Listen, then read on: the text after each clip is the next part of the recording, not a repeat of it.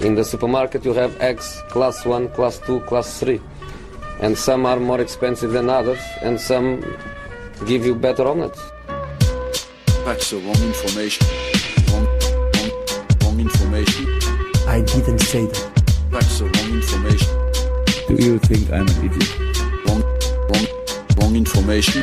Now look at me when I talk to you. Your job is to tell the truth. That's the wrong information.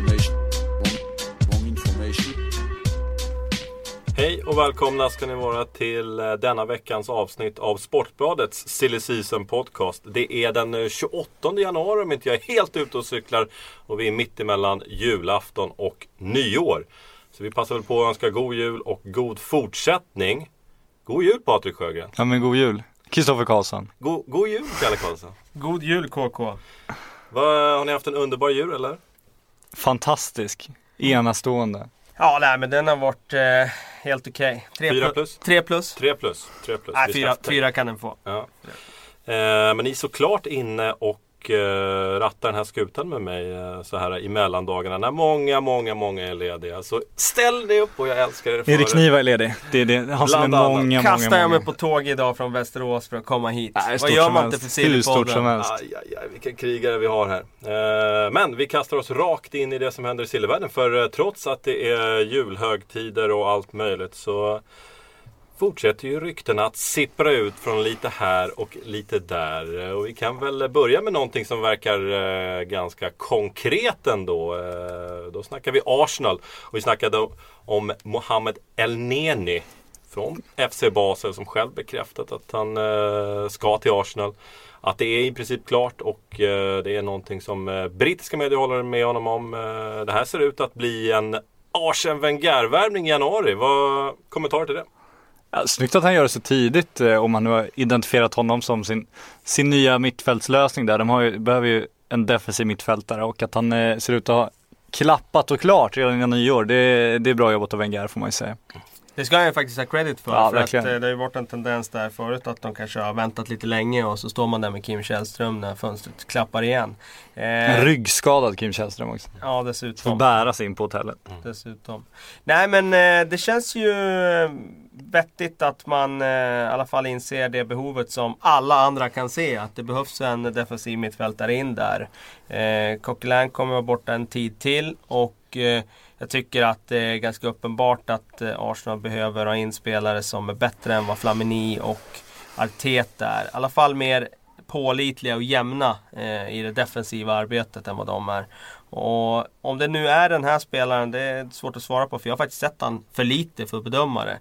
Men av det lilla jag har sett så är det ju i alla fall en liksom, begåvad mittfältare som kan lite av varje. Han eh, är inte bara en bollvinnare utan har ganska bra passningsspel också vad jag kunnat utröna eh, och se i diverse klipp. Så att eh, det är ju en spelare som inte kommer att liksom stå med en julgransfot när Arsenal börjar sy ihop sina passningstrianglar. Utan han kommer ju kunna delta i det passningsspelet. Och då är frågan, är han tillräckligt bra bollvinnare? Är han tillräckligt eh, defensiv i sitt tänk för att fylla den funktionen som Arsenal behöver? Det är väl det frågetecknet är. Inte om han är tillräckligt bra som spelare. För det tycker jag man nog kan se att han kan både spela kort och han kan spela långt. Och han har ett rätt bra tillslag också. Och han eh, kan ta bollen framåt i plan. Men då finns ju alltid det där frågetecknet eller lite av oron också för är han inte tillräckligt defensiv i sitt tänk? Ja, för du flaggade ju tidigare för att Wanyama vore rätt, rätt perfekt. En mer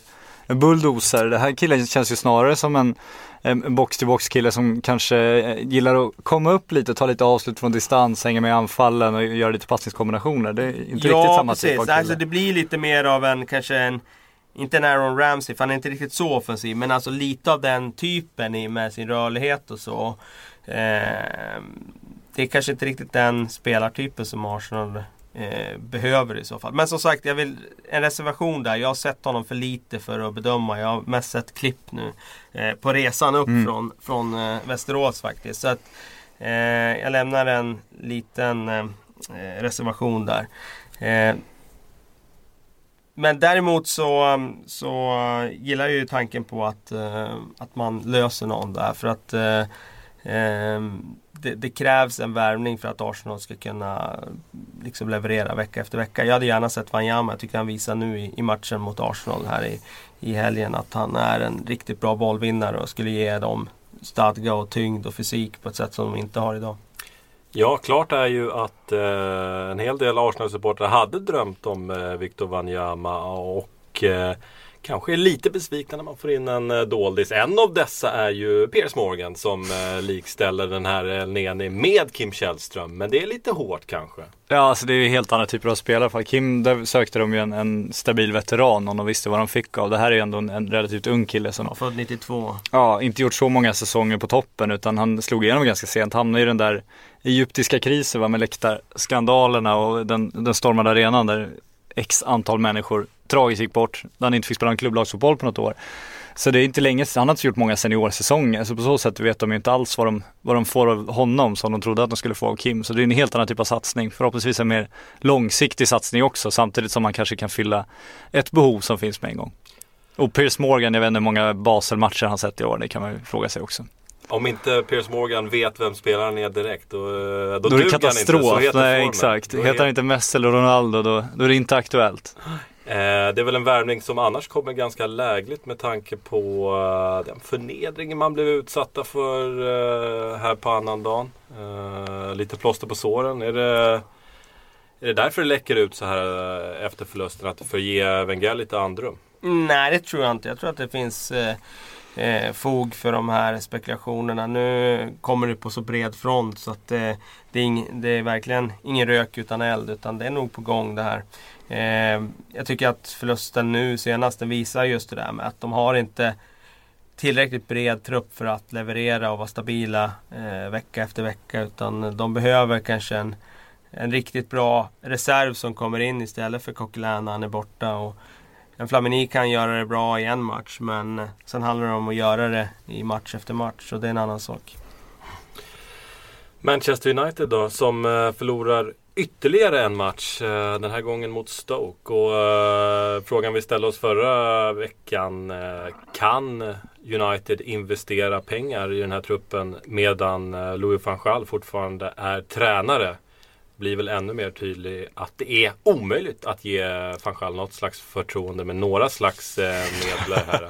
Jävlar vilken slakt, den var Ja, fin. Ja men den ska han ju nästan ha. Alltså om man tittar på hans track record när det gäller att värva spelare.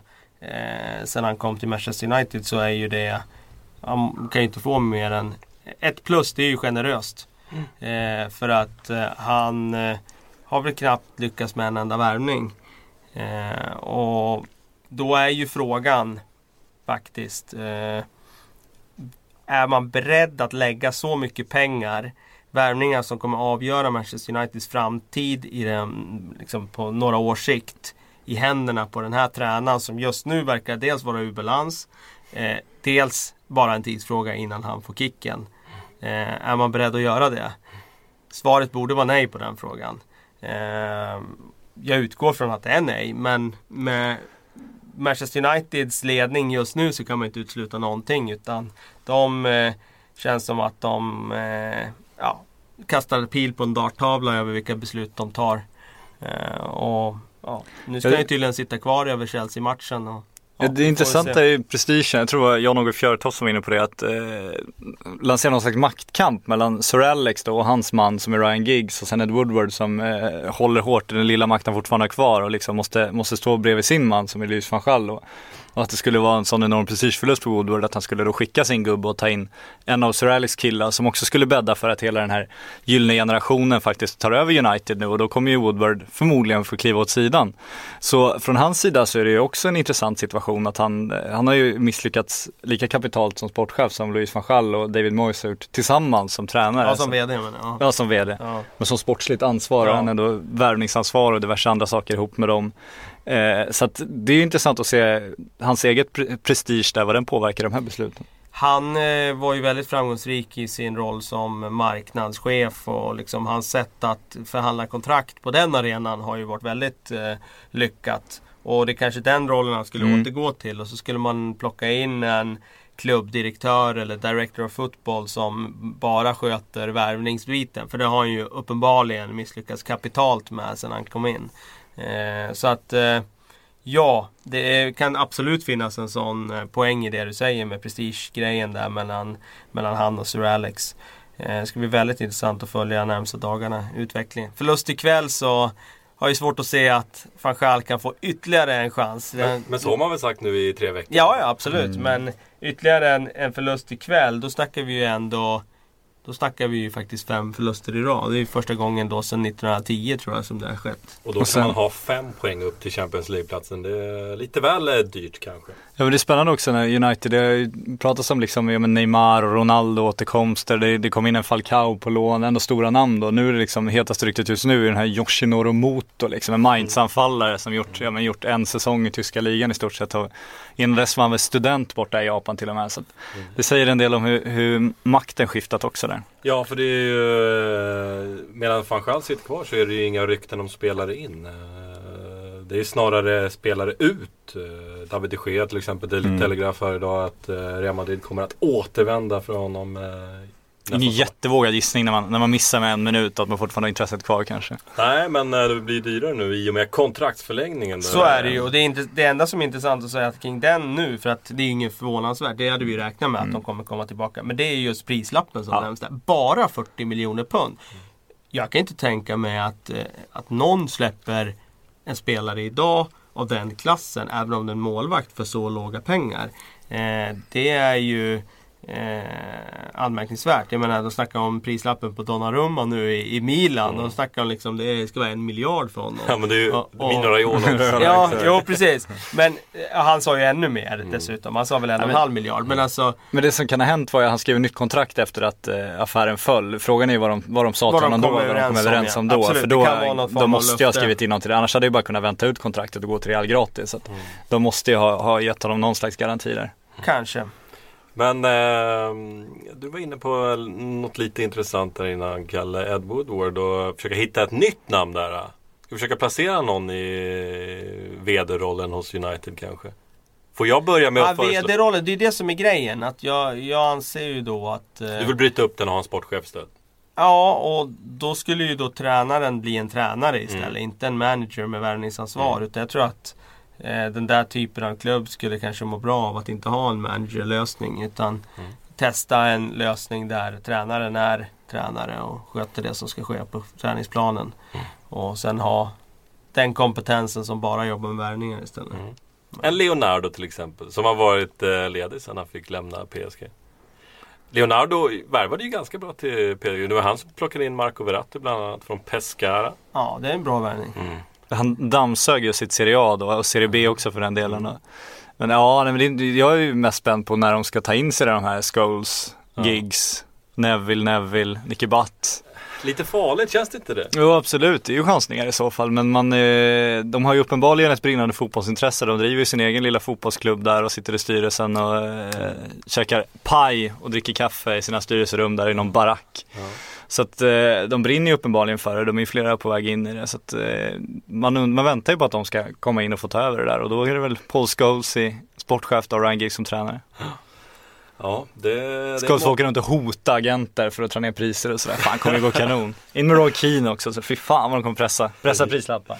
Jajamän. Eh, Liverpool då. Eh, det har ju varit ganska länge nu som eh, fansen har trånat efter en ny målvakt. Eh, vi har ju fått flera frågor eh, kring huruvida Simon Mignolet är världens sämsta målvakt. om Bogdan är världens sämsta målvakt. Det har varit lite målvaktsrykten i dagarna kring Liverpool. här. En hel del. Jag har faktiskt eh, dragit ut de tre hetaste namnen just nu. Det är Marchetti från Lazio, och det är Muslera från Galatasaray och det är från just PSG Salvatore Sirigu. Rak fråga till er mina herrar. Vem hade gjort sig bäst i Liverpool av de här tre?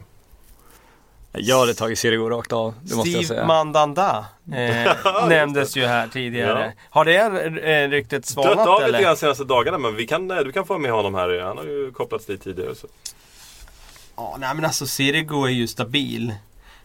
Mandanda är väl lite mer spektakulär. Tveklöst. Ehm, jag, eh, ja, jag tycker i och för sig alla de där namnen där, den som jag kanske skulle avstå från av de där namnen så Muslera. är det Muslera i så Jajamän. fall. Världens mest överskattade målvakt. Ja, han hade ju Oh. några fina år där när landslaget gick bra. Men eh, jag håller nog med om att det är ingen världsmålvakt direkt. Nej. Nej, det, eh, blir det Muslera då, eh, då måste jag ändå misströsta för Liverpool. Kan vi lansera honom som världens är, målvakt? Han är, alltså på den, på den högsta av scener så är han det sämsta jag sett. Oj! Ja. Herregud. Ehm, Jag tycker det är han som har kostat... eh, Är han världens sämsta målvakt? Har vi, har vi hittat på världens den sämsta nivån han har målvakt? spelat, alltså nivå han har tillhört kontra prestationer så tycker jag att han är världens sämsta målvakt. Fan, Äntligen, då kan vi ta, sluta ta de frågorna då. Nu har vi kommit fram till det. Men då kommer han ju gå till. Liverpool, det kan vi banka fast också. då kommer vi så är det sitta ju. och fråga, svara på de frågorna. Herregud, det är klart. Mm. Eh, nej, Jürgen Klopp som sagt som ändå har backat upp eh, Simon Mignolet. Men eh, där snackar han skit alltså.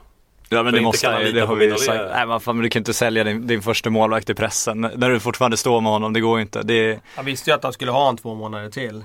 ja. Då kan han ju inte börja såga han, Nej utan, nej. Eh, bakom kulisserna så är det klart att Liverpool tittar på en ny målvakt. Det förutsätter jag. Och det är i januari det händer. Ja, jag tror att möjlighet. de försöker lösa det i januari, ja. Och det borde finnas möjligheter. En Sirigu eh, har ju liksom själv bäddat för att flytta i januari. Han är ju tveklös på marknaden. Jag, om jag var dem hade jag tagit honom direkt alltså. För det, det är en, en ruggigt pålitlig målvakt. Han är, det PSG saknade med honom var ju de här riktigt matchavgörande räddningarna. Så liksom tar de det allra sista steget. Men jag tycker inte Liverpool har kommit så långt ännu med sitt övriga lagbygge att de kan titta på en sån världsmålvakt av den typen. Utan de behöver någon där som tar de bollar han ska ta. Och det kommer Sirigu göra varje, varje dag. Och sen är han också en fantastiskt sympatisk människa påstås det. Alla rullar in med sina sportbilar i PSG och han kör någon, någon liten Fiat han knappt får in benen i. Så att eh, sånt uppskattar jag också något oerhört. Nej, i så fall är det ju att Liverpool tar en målvakt som är på väg uppåt och som de andra inte riktigt har fastnat för. Men de kanske var lite för sena med Jack Butland. Hade de eh, liksom huggit han i sommar, då hade de kunnat gjort det. Eh, om de hade betalat rätt eh, pengar.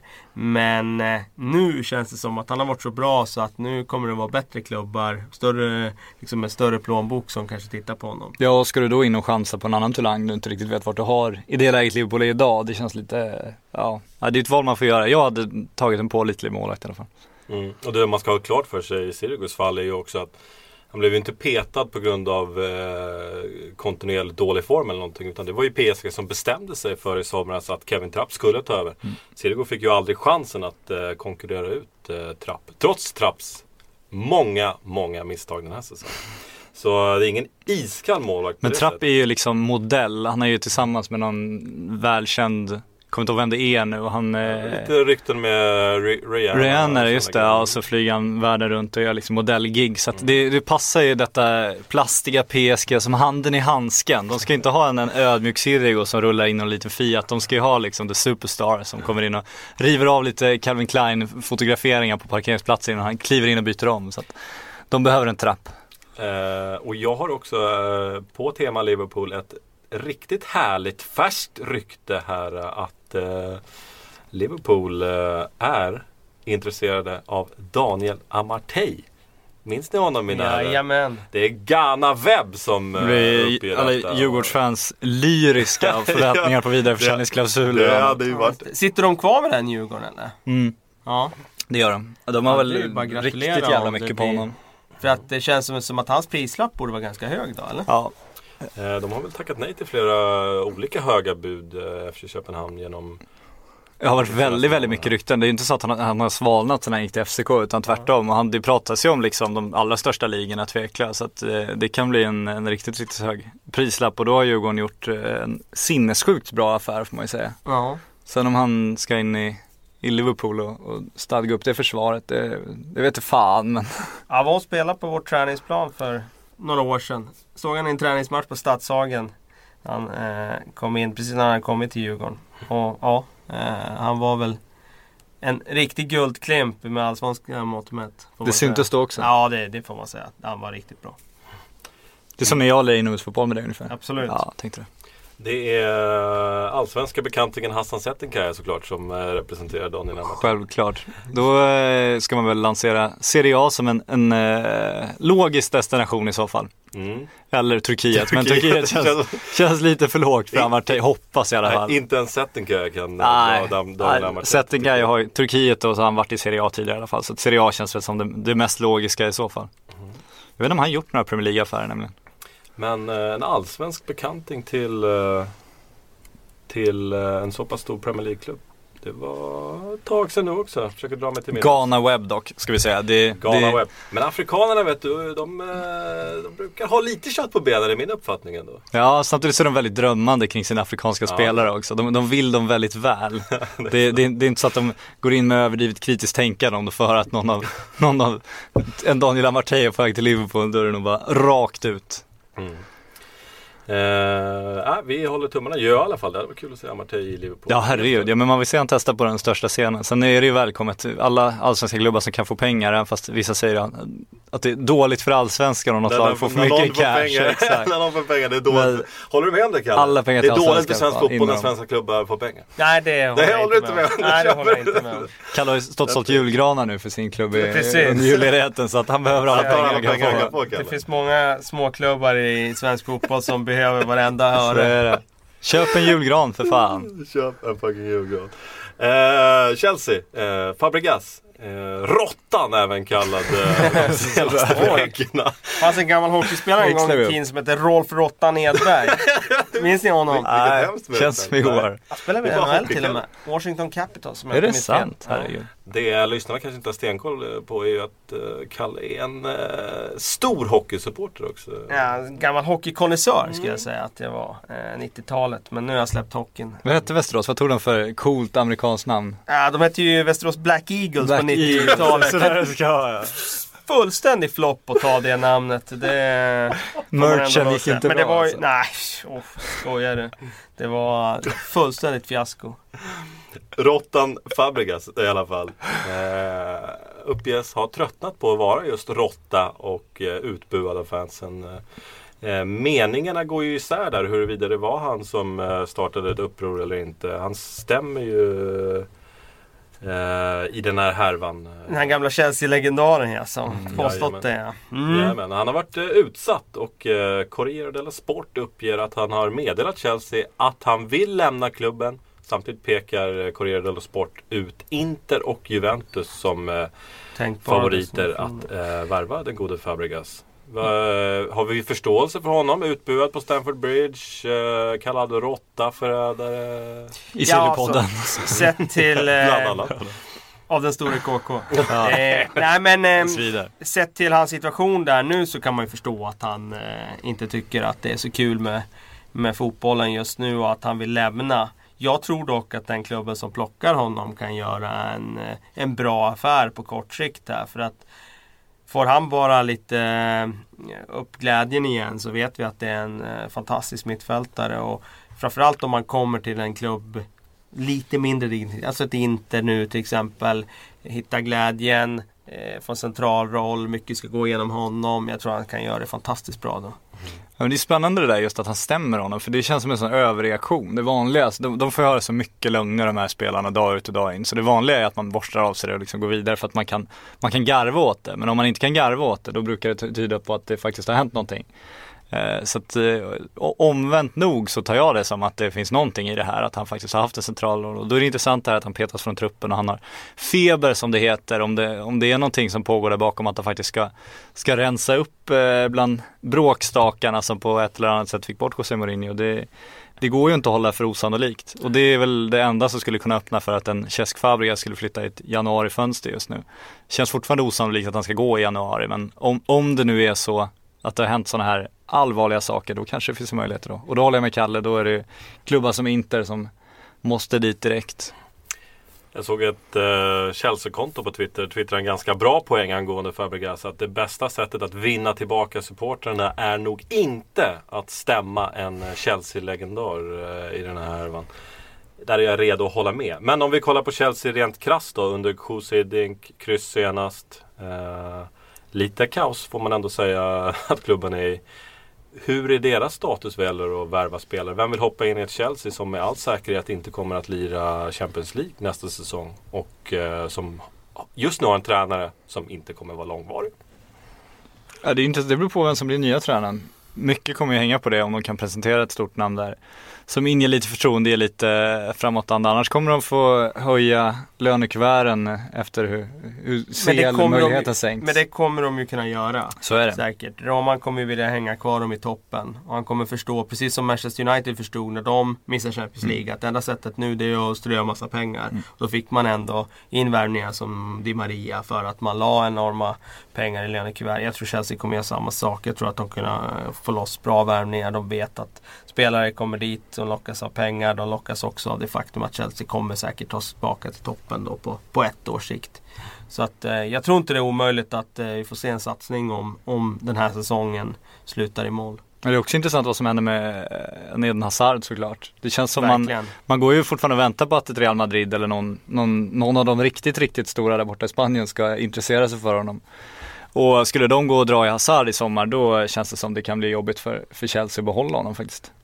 Och de kan behöva honom också om de nu ska ersätta Ronaldo om det ska bli verklighet. Då är det ju eh, väldigt få spelare som skulle kunna fylla den Men är den det tröjan. Ronaldo som ska ersättas redan i sommar? Det är inte en sån som Bale då som ska ersättas? Ja, men, alltså, det vet man ju inte men känslan Ronaldo det börjar ändå bli till åren. Nu är det hård kritik från Real Madrid supportrar mot honom för att han han använder ju sitt privatplan som någon slags pendeltåg. Han flyger ju till Marocko dag ut och dag in. Han flög ju till eh, och gjorde sin hotellansering tre dagar innan en match. Liksom bara en eftermiddag där han flyger iväg. Och han blev ju kallad eh, legosoldat och svikare och annat. Samma med en hörsituation där. Så det känns som vindarna börjar blåsa mot Ronaldo helt plötsligt och då är det ganska tacksamt att fasa ut honom nu.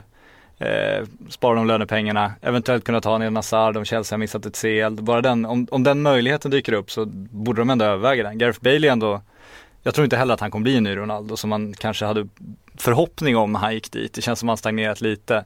Jag tror inte han kommer bli en världsdominerande fotbollsspelare men han är ändå en yngre spelare som går att bygga lite kring. Och sen eh, vet du fan vad som händer med Chamez. Känns som han också är på väg ut.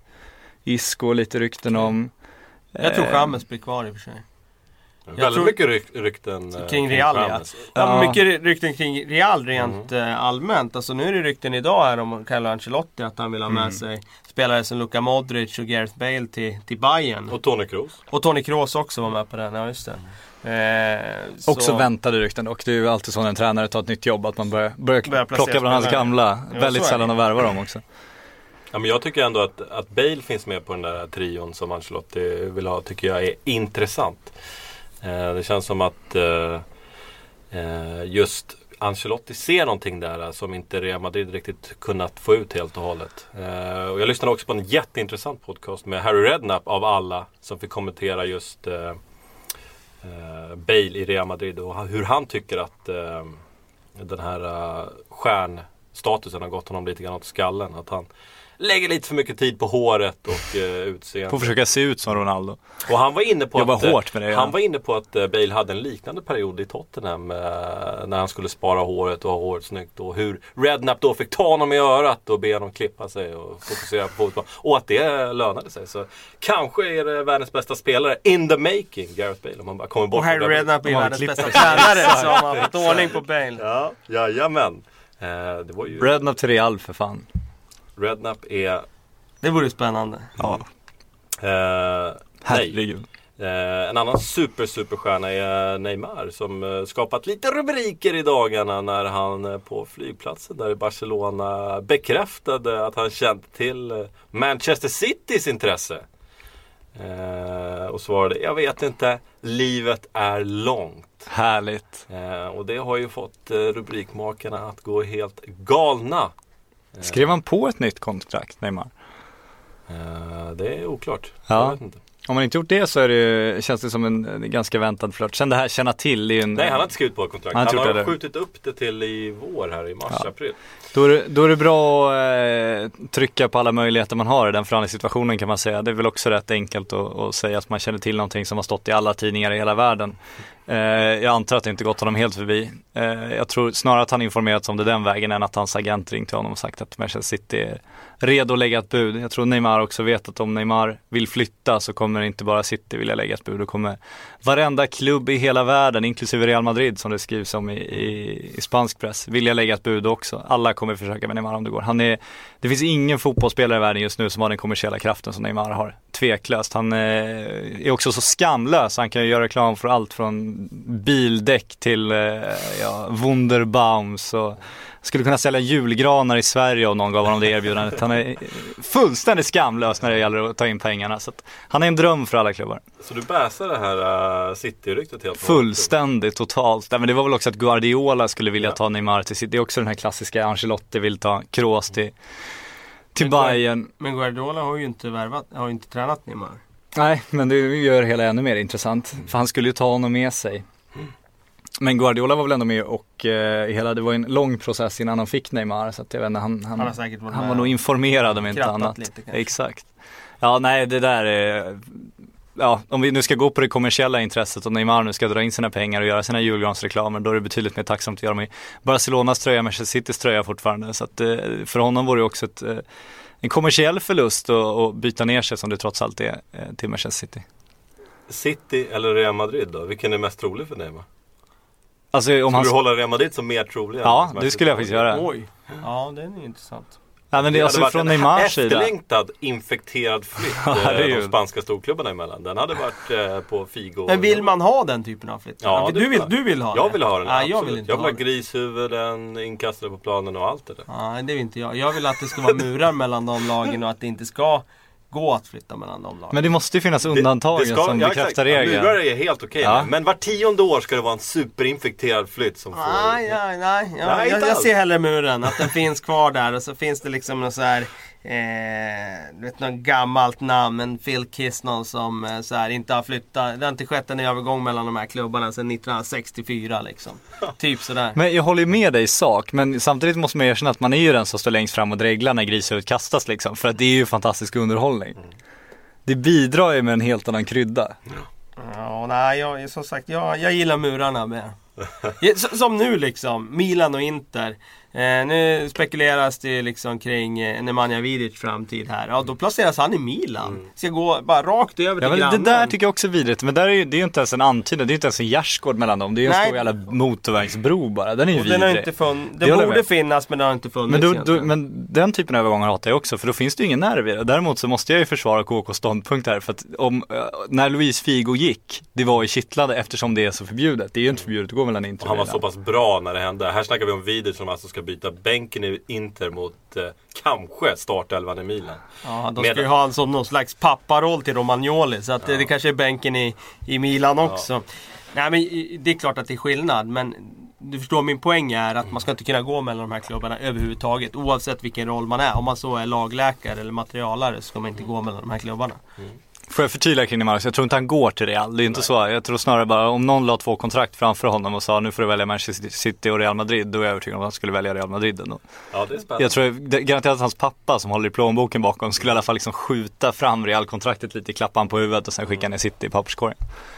Ja, för här snackar vi i så fall om en eh, miljardaffär och ett Neymar som kanske växer ut, eller förmodligen växer ut att bli eh, världens bästa spelare framöver. Ja, men han kommer ju inte, alltså Barca det vore ju självmord att, att göra sig av med Neymar. Det skulle bli en enorm proteststorm också. Han är ju tveklöst fotbollens nya affischnamn. Han är eh, redan på Ballon d'Or-prispallen. Eh, han är kommersiellt gångbar långt mycket mer än vad Messi är egentligen. Han är en spelstil som är enormt tacksam att sälja också. Han är samtidigt otroligt effektiv. Så att han, eh, han kommer ju sitta fast cementerad där. Var jag deras marknadsdirektör skulle jag hellre sälja Messi än Neymar också. Det man ska ha klart för sig som sagt dock är att eh, Neymar har inte skrivit på något nytt kontrakt. Nej. Eh, han har skjutit upp det och det finns en liten, liten eh, stress hos Barcelona-ledningen om att få det här klart som möjligt. Det är väl det Neymar spelar på också. Det, han har en, en ruskigt bra förhandlingssituation. Och det är det här som blir intressant för Barcelona när de här trion överpresterar allihop. Att det kommer ju, de kommer ju pumpa upp varandras löner. Det är inte så att de kommer sätta sig som Friends-ensemblen och samförhandla här och alla ska ha lika och det ska bli rättvist och fint. Det kommer liksom inte hända. Utan de, de kommer pumpa upp varandras tills Barcelona inte har råd att ha alla tre och då handlar det om vem de ska offra bara. Offra. Vem ska de offra då? Ja, vi var väl Messi. inne på det sist att det, det känns som, som eh, det är Messi eller Suarez och Suarez eh, kom så sent så att de får väl offra Messi till slut. Mm. Jag hoppas eh, också att de kan behålla dem några år till. Eh, Tottenham mina herrar. Eh, det är ganska lugnt skepp eh, just nu. Pochettino har fått ordning på skutan och de parkerar stadigt på en Champions League-plats just nu. Eh, men ett namn som ändå kopplas ihop med klubben är lite lustigt. Jackson Martinez. Eh, den här stekheta Porto-anfallaren som öste in mål i Portugal under flera, flera säsonger. Innan han till slut kunde välja och vraka bland de europeiska sto- storklubbarna och valde Atletico Madrid. Efter att typ varit på Eh, besök hos Milan nästan. Eh, och det var ju en flytt som eh, vissa höjde på ögonbrynen åt. Eh, och det har ju inte riktigt visat sig att han fick rätt i sitt val. Ännu i alla fall. Två mål den här säsongen och en hel del tid på bänken.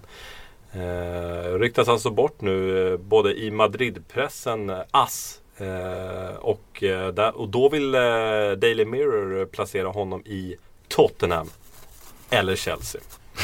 Eh, Jackson Martinez. Eh, hur tragiskt är det att se honom sitta på en bänk i Atletico Madrid? Ja, det är trist med tanke på hur, hur bra han verkligen var i Porto. Och man såg ju honom som eh, en riktigt eftertraktad anfallare under flera års tid där. Eh, när han ryktades till stora klubbar. Det är nog rätt läge att ta han nu, tror jag dock, för en klubb som Tottenham. Om man vill vara en backup-anfallare. Eh, köpa han nu när han eh, förmodligen är revanschsugen, vill bevisa sig i en större liga. Inte lyckades i La Liga. Eh, får en ny chans i Tottenham. Ja, jag, jag tror att det, kan man få loss honom så är det bra. Å andra sidan så kommer han ju kosta en, en slant.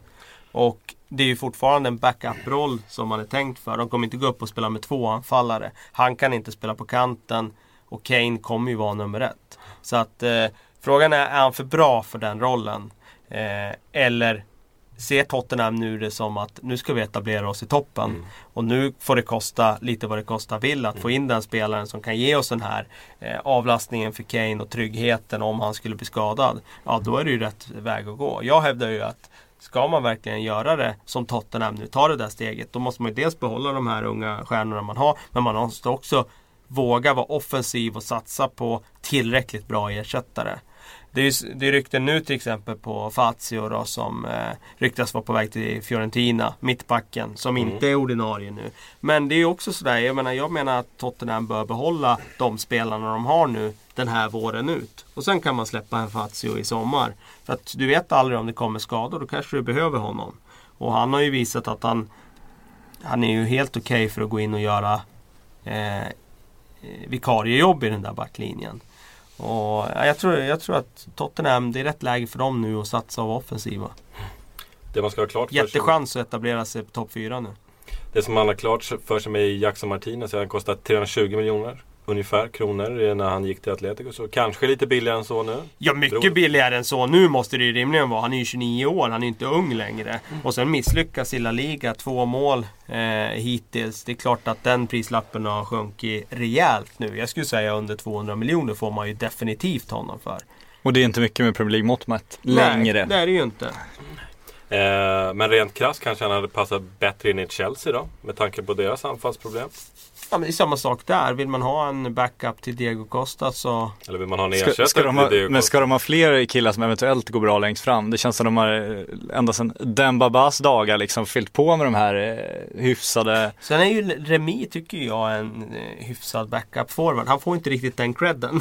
Men när han spelar så har han ju en hyfsad, ett hyfsat målsnitt. Då kanske han får starta ikväll här. Det ska bli väldigt spännande att se ändå mot, mot Manchester United om man kan leverera. För Diego Costa är ju avstängd. Ja men de behöver inte någon ny breddanfallare, de behöver inte någon ny att rulla på. Om de ska göra någonting anfallsmässigt så är det ju ersätta Diego Costa för att han inte är lika Och då menar du att pålitlig Jackson längre. Martinez är inte tillräckligt bra? Nej, Nej, det kan man Chelsea som ska tillbaka till toppen ska väl inte ta en bänkspelare från Atletico Madrid som misslyckas i La Liga. Det tycker Nej. jag skickar fel Nej, signaler. det är ju om de, om de gör bedömningen att han passar perfekt i vår Ja. spelidé. Eh, och att det skulle funka bättre då än i ett liksom, eh, ja, La Liga-lag som kanske behöver mer tekniska spelare eller vad vet jag. Apropå anfallare så glömde jag eh, på tema Manchester City. Jamie Vardy kopplas allt mer ihop med Manchester City. Jag vet att bara för en vecka sedan satt vi och beklagade oss lite grann över anfallaruppsättningen i Manchester City. Är Jamie Vardy lösningen på det? Jag vet att du gick hårt åt Wilfried Bonny förra veckan, eh, Kalle. Ja, men eh, alltså jag gillar ju Boni eh, egentligen och jag tyckte han var jättebra i Swansea. Men han är inte tillräckligt bra för ett lag som Manchester City. Det är väl det som är grejen. Och, eh, Vardy skulle ju ge dem ett djupledshot som jag tror skulle vara nyttigt för dem. Och framförallt eh, med faktumet att de har lite för få spelare som springer eh, i Manchester City så tror jag att han skulle kunna fylla en funktion där. Sen vet man ju aldrig hur Vardy anpassar sig till ett Mm. lag som är avsevärt bättre än det han har spelat i tidigare. Borussia Dortmund har en eh, spelare som har kommit tillbaka i form. Och det här var ju en kille som eh, ryktades till idel, idel storklubbar. Eh, Ilkay Gündogan. Eh, Den grav gravida mittfältaren. Jajamän, han har- la på sig en riktig kula där Ja, det var- under eh, ett uppehåll. Det var klass på den faktiskt. Mm.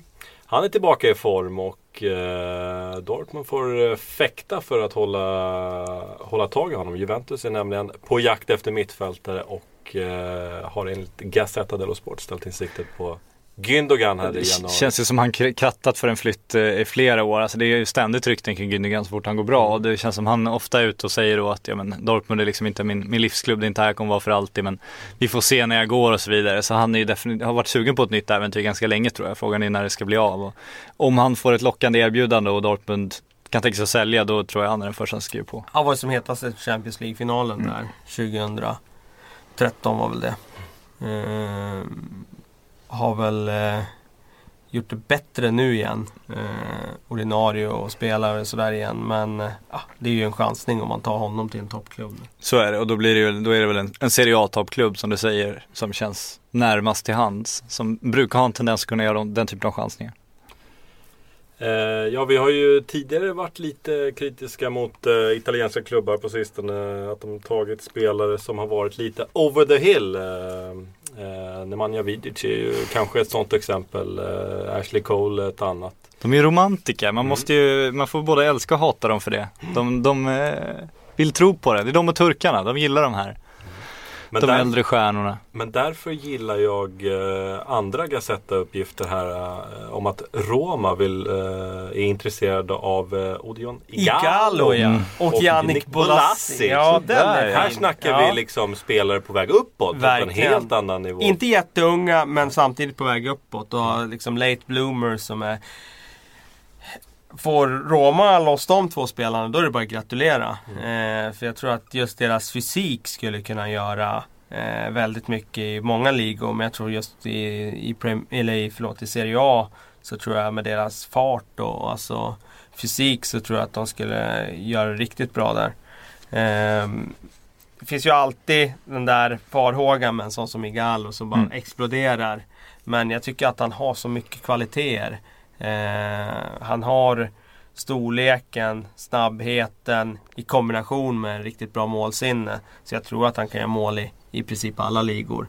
Eh, hur han mycket, har ju misslyckats tidigare i, i Serie A men å andra sidan var han ung, ung och oprövad på den tiden.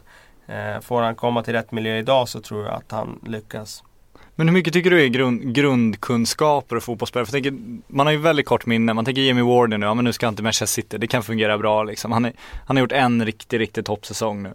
Vi tänker Cesc Fabregas, han var fullständigt dominant i Premier League förra året. Nu, nu tänker man, ja men det kanske, kanske är säljläge ändå liksom. Alltså går det så fort verkligen? Jag tror mycket mentalt. Liksom att, eh, om man tar som Fabregas så handlar det mycket om att han behöver ha en viktig roll. Han behöver känna kärlek från omgivningen och sin tränare. Att han får spela sitt spel. Jag tror att det blir att han blir lite inlåst när Chelsea går dåligt som lag. För att då, eh, då blir det den här pragmatismen att Chelsea känner att de behöver vinna eh, genom att spela mycket mer snålt.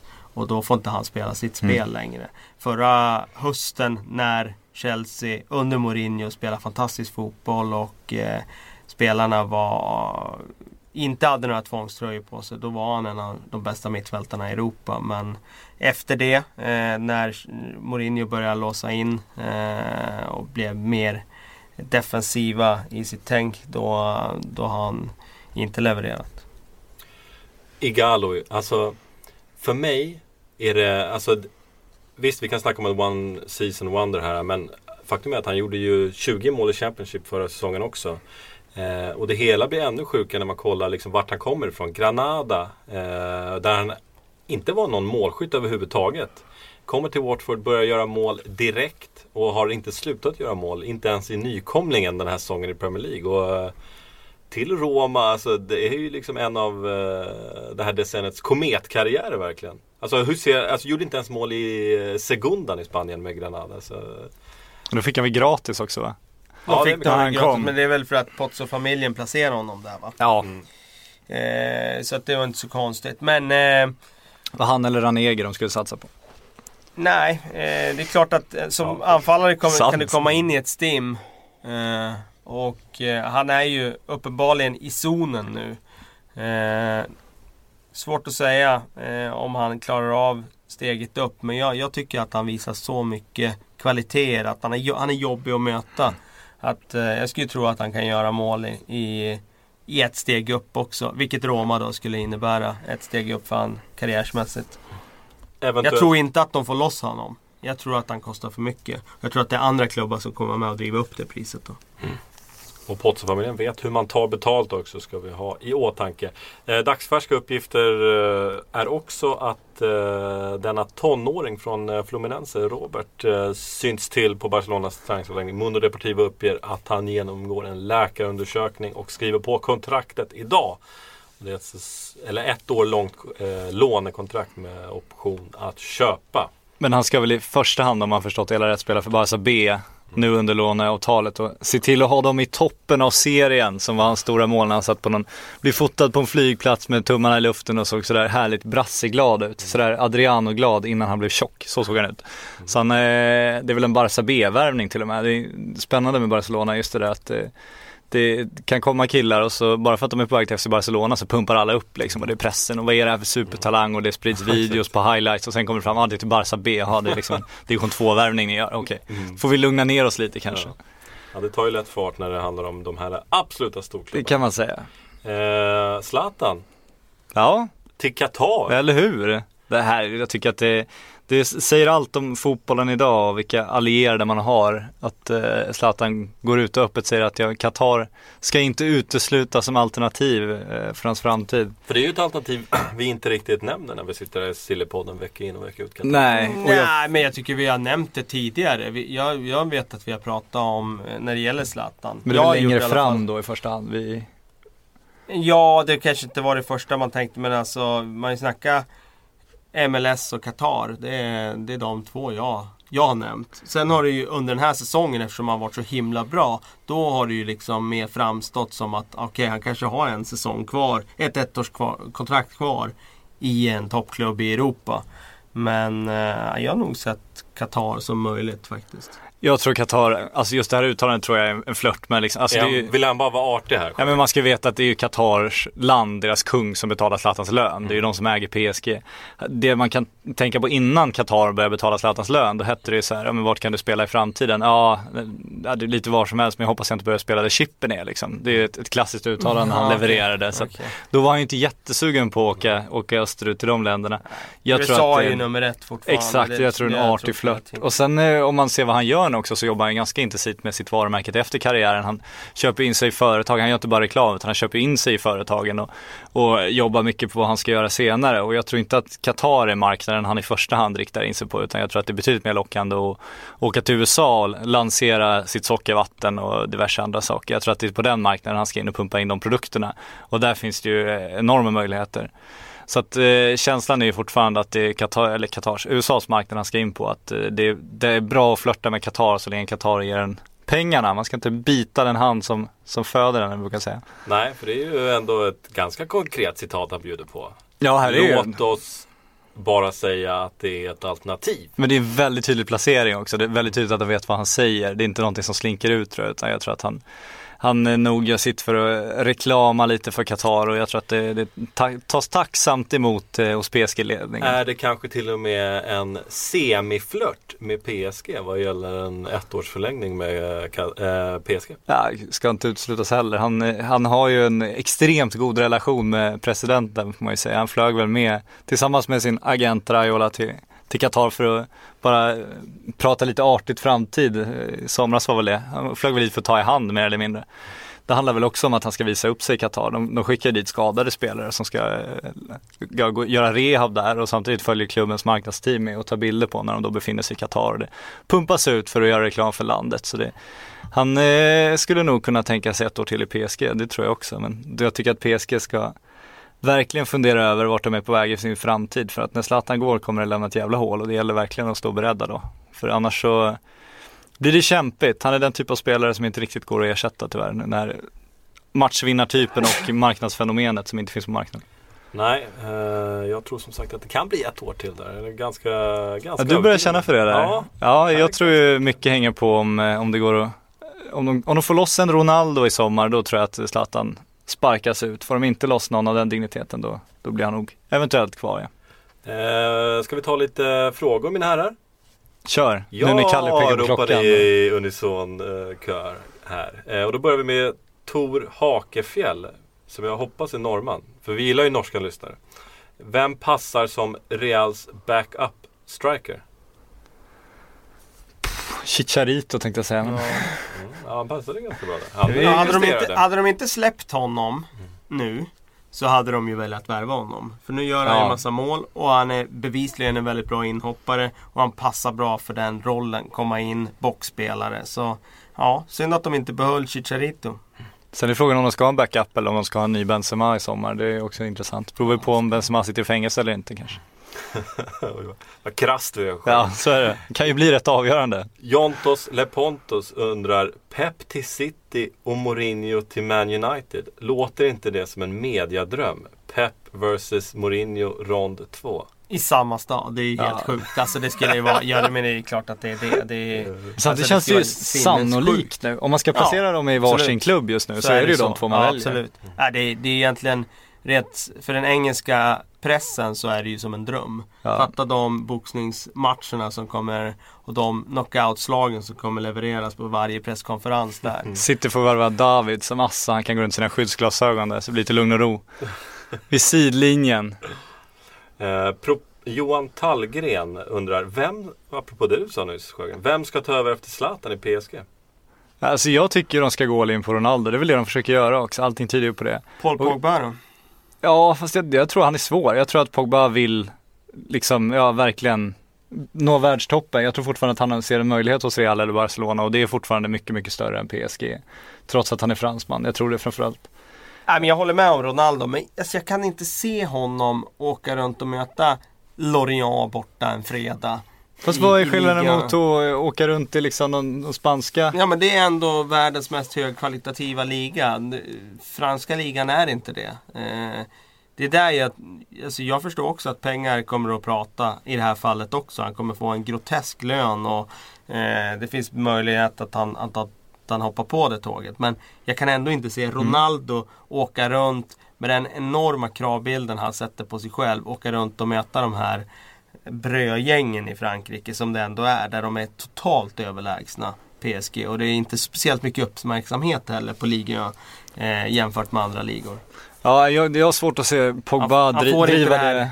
El, El Clasico-mötet heller. Nej, liksom nej. den här clashen med Barcelona. Och... Fan, Marseille borta, stad. Jo, Velodrom, men det är herregud. inte alls samma sak. Det är ju inte det. Jag har bara svårt att se Paul Pogba driva det, det PR-racet liksom. Jag, jag tror inte att han är mogen för det riktigt.